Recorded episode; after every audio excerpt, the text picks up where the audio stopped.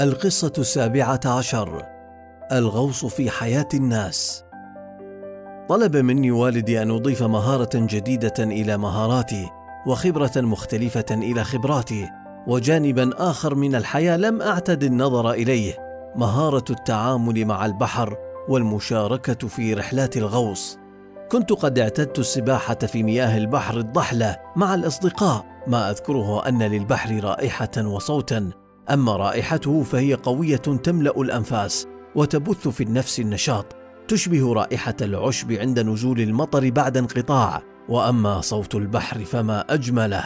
موج هادر أو هادئ يبعث في النفس الراحة ويحفز القلب على الإبداع. وخاصة إن اختلطت أصوات أمواجه بصوت النوارس التي تحوم عند سحب شباك الصيد كأنما تغني فرحة بصيده الوفير.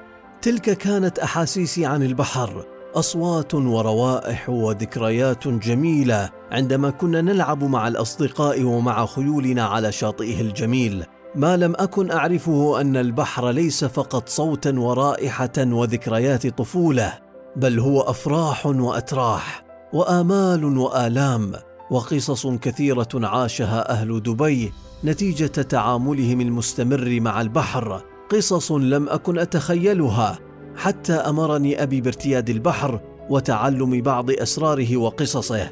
كان والدي يرسلني أحيانا عند شخص من الثقات يدعى أبو جابر وأبو جابر من رؤساء الأسطول البحري. وصل إلى هذا المنصب بتجربته المتراكمة ومعرفته المتوارثة. كان يلقب باسم السردال والسردال في لغة أهل البحر هو كبيرهم. وأخبرهم بالبحر ومواسمه ورياحه ومواقيته. هو من يعلن بداية موسم الغوص حيث ينتظر هدوء البحر في أشهر الصيف ليعلن بداية الموسم كما يعلن نهايته مع بدايات الشتاء. ويحدد السردال بداية الموسم بناء على حركة الأمواج ويتعرف على الاتجاهات بتتبع مواقع النجوم. وللسردال قدرة على رسم خريطة لقاع البحر وما يوجد فيه. فكما بإمكاننا قراءة أرض الصحراء من آثار الأقدام وتخيل الأحداث التي وقعت يمكننا أيضا استخدام المبادئ نفسها لتصور قاع البحر والتعرف على طبيعته. كان البحارة يربطون كتلة ثقيلة من الرصاص أو الوزن بحبل ويلقونها في البحر لتحديد عمق المياه ويقيسون المسافة بالطباع أي تكرار فرد الذراعين على امتدادهما في كل مرة. وكان أبو جابر قادرا على معرفة مكونات القاع من خلال ما يعلق منها بكتلة الرصاص كما كان قادرا على قياس قوة الموج من خلال تأثيره على حركة الحبل.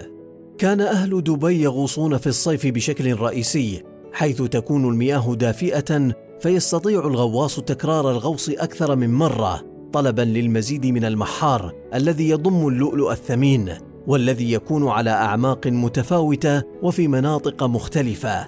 لكن لمن لا يعرف صيف دبي رغم دفء المياه في العمق فإن الحرارة على سطح الماء تكون لاهبة مما يصيب الكثير من البحارة بالجفاف بسبب قلة المياه التي يحملونها.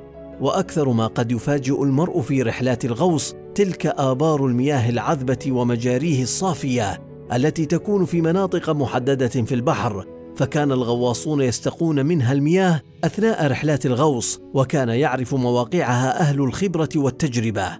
هناك أيضا الغوص البارد أو غوص الشتاء وهو مخصص لمن لم يحالفه الحظ في أشهر الصيف الطويلة اللاهبة فيحاول مرة أخرى في الشتاء. والغوص البارد هو الأصعب نتيجة برودة المياه حيث يختصر الغواصون وقت الغوص ويكون البحر في حالة غير مستقرة. إذ تهيج أمواجه أحيانا وتشتد رياحه فتحمل الخوف والجزع لتلك المراكب الصغيرة التي تبحث عن بعض المحار في قاعة وكم حملت تلك الرياح من الأنباء السيئة لأهل دبي. كان والدي يرسلني إلى أبو جابر لأتعلم منه عن البحر وأحواله وخيراته ومواسمه. ولكن أكثر ما تعلمت من رحلاتي معه هو صعوبة الحياة في البحر. والتحديات التي كان يواجهها أهلنا عند طلب الرزق من خيراته. لم يعرف أهل دبي صعوبة الحياة في الصحراء فقط وإنما في البحر أيضا. ولا تستطيع معرفة ذلك إلا بالعيش معهم والخروج في رحلات الغوص كفرد منهم. يقولون إن القائد لا بد أن تكون له عين طير. ينظر للأمور من فوق ليستطيع تلخيصها وتجريدها واتخاذ قرارات بشأنها.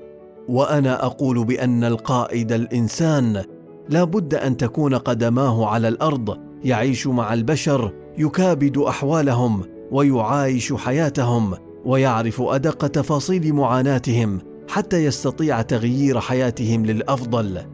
لم أكن أخفي انبهاري بالغواصين وهم يستعدون للغوص متابعا استعداداتهم وخلال تلك الرحلات كنت أساعد في عملية التحضير كتحميل القوارب بالمؤن وهي كميات قليلة من التمور واللحوم المجففة والمياه.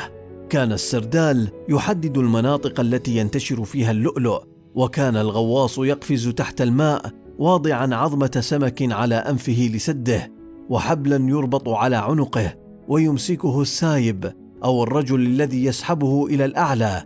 يملأ الغواص رئتيه بالهواء ويغوص في الأسفل لا أحد ينبس بكلمة أعلى القارب ولا يسمع إلا صوت تمايل القارب استجابة لموج البحر.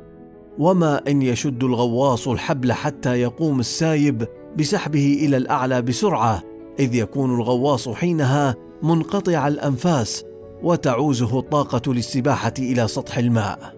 لم يكن مستغربا وقوع الكثير من الحوادث والوفيات المأساوية في رحلات الغوص ولأن الجثة ستتعفن إذا بقيت على سطح القارب كانوا يصلون على الميت ثم يلقونه في البحر. وفي أحيان أخرى يكون سبب وفاة الغواص إهمال السايب أو عدم شعوره بحركة الحبل. واحيانا قد يرفع الغواص إلى القارب ولكنه لا يتمكن من التنفس بالشكل الصحيح فيختنق. والمحظوظون فقط هم الذين يعودون بإصابات طفيفة كانثقاب طبلة الأذن. حيث يتم تسخين قطعة من الحديد ووضعها على طبلة الأذن لتسريع الشفاء مما يسبب ألما شديدا للمصاب إلى درجة تدفعه للصراخ بطريقة مريعه على الرغم من القصص والحوادث المأساوية إلا أن هناك جوانب عظيمة في هذه الرحلات. هناك عمل دائم وروح تعاون وفرح كبير بحصيلة الغوص وأمسيات جميلة وحكايات ممتعة. فيها الكثير من المغامرات والعجائب. أما عودة تلك الرحلات فكان حدثا اجتماعيا كبيرا حيث يكون في الانتظار جيش من الأطفال والنساء الذين يستقبلون أهاليهم بكل فرح. صيحات احتفالية تختلط مع أصوات المجاديف وانكسار الموج على الشاطئ. عرفت بأن البحر ليس صوتا ورائحة فقط بل مشاعر جياشة وقصص إنسانية. وأحاسيس فرح أو ترح في نفوس الكثير من أبناء شعبي. جلست في لحظات من الهدوء والسكينة أتأمل البحر وأمرر حبات الرمال البيضاء بين أصابعي ثم توجهت إلى الله بدعائه أن يعينني على خدمة هؤلاء الناس يوما ما.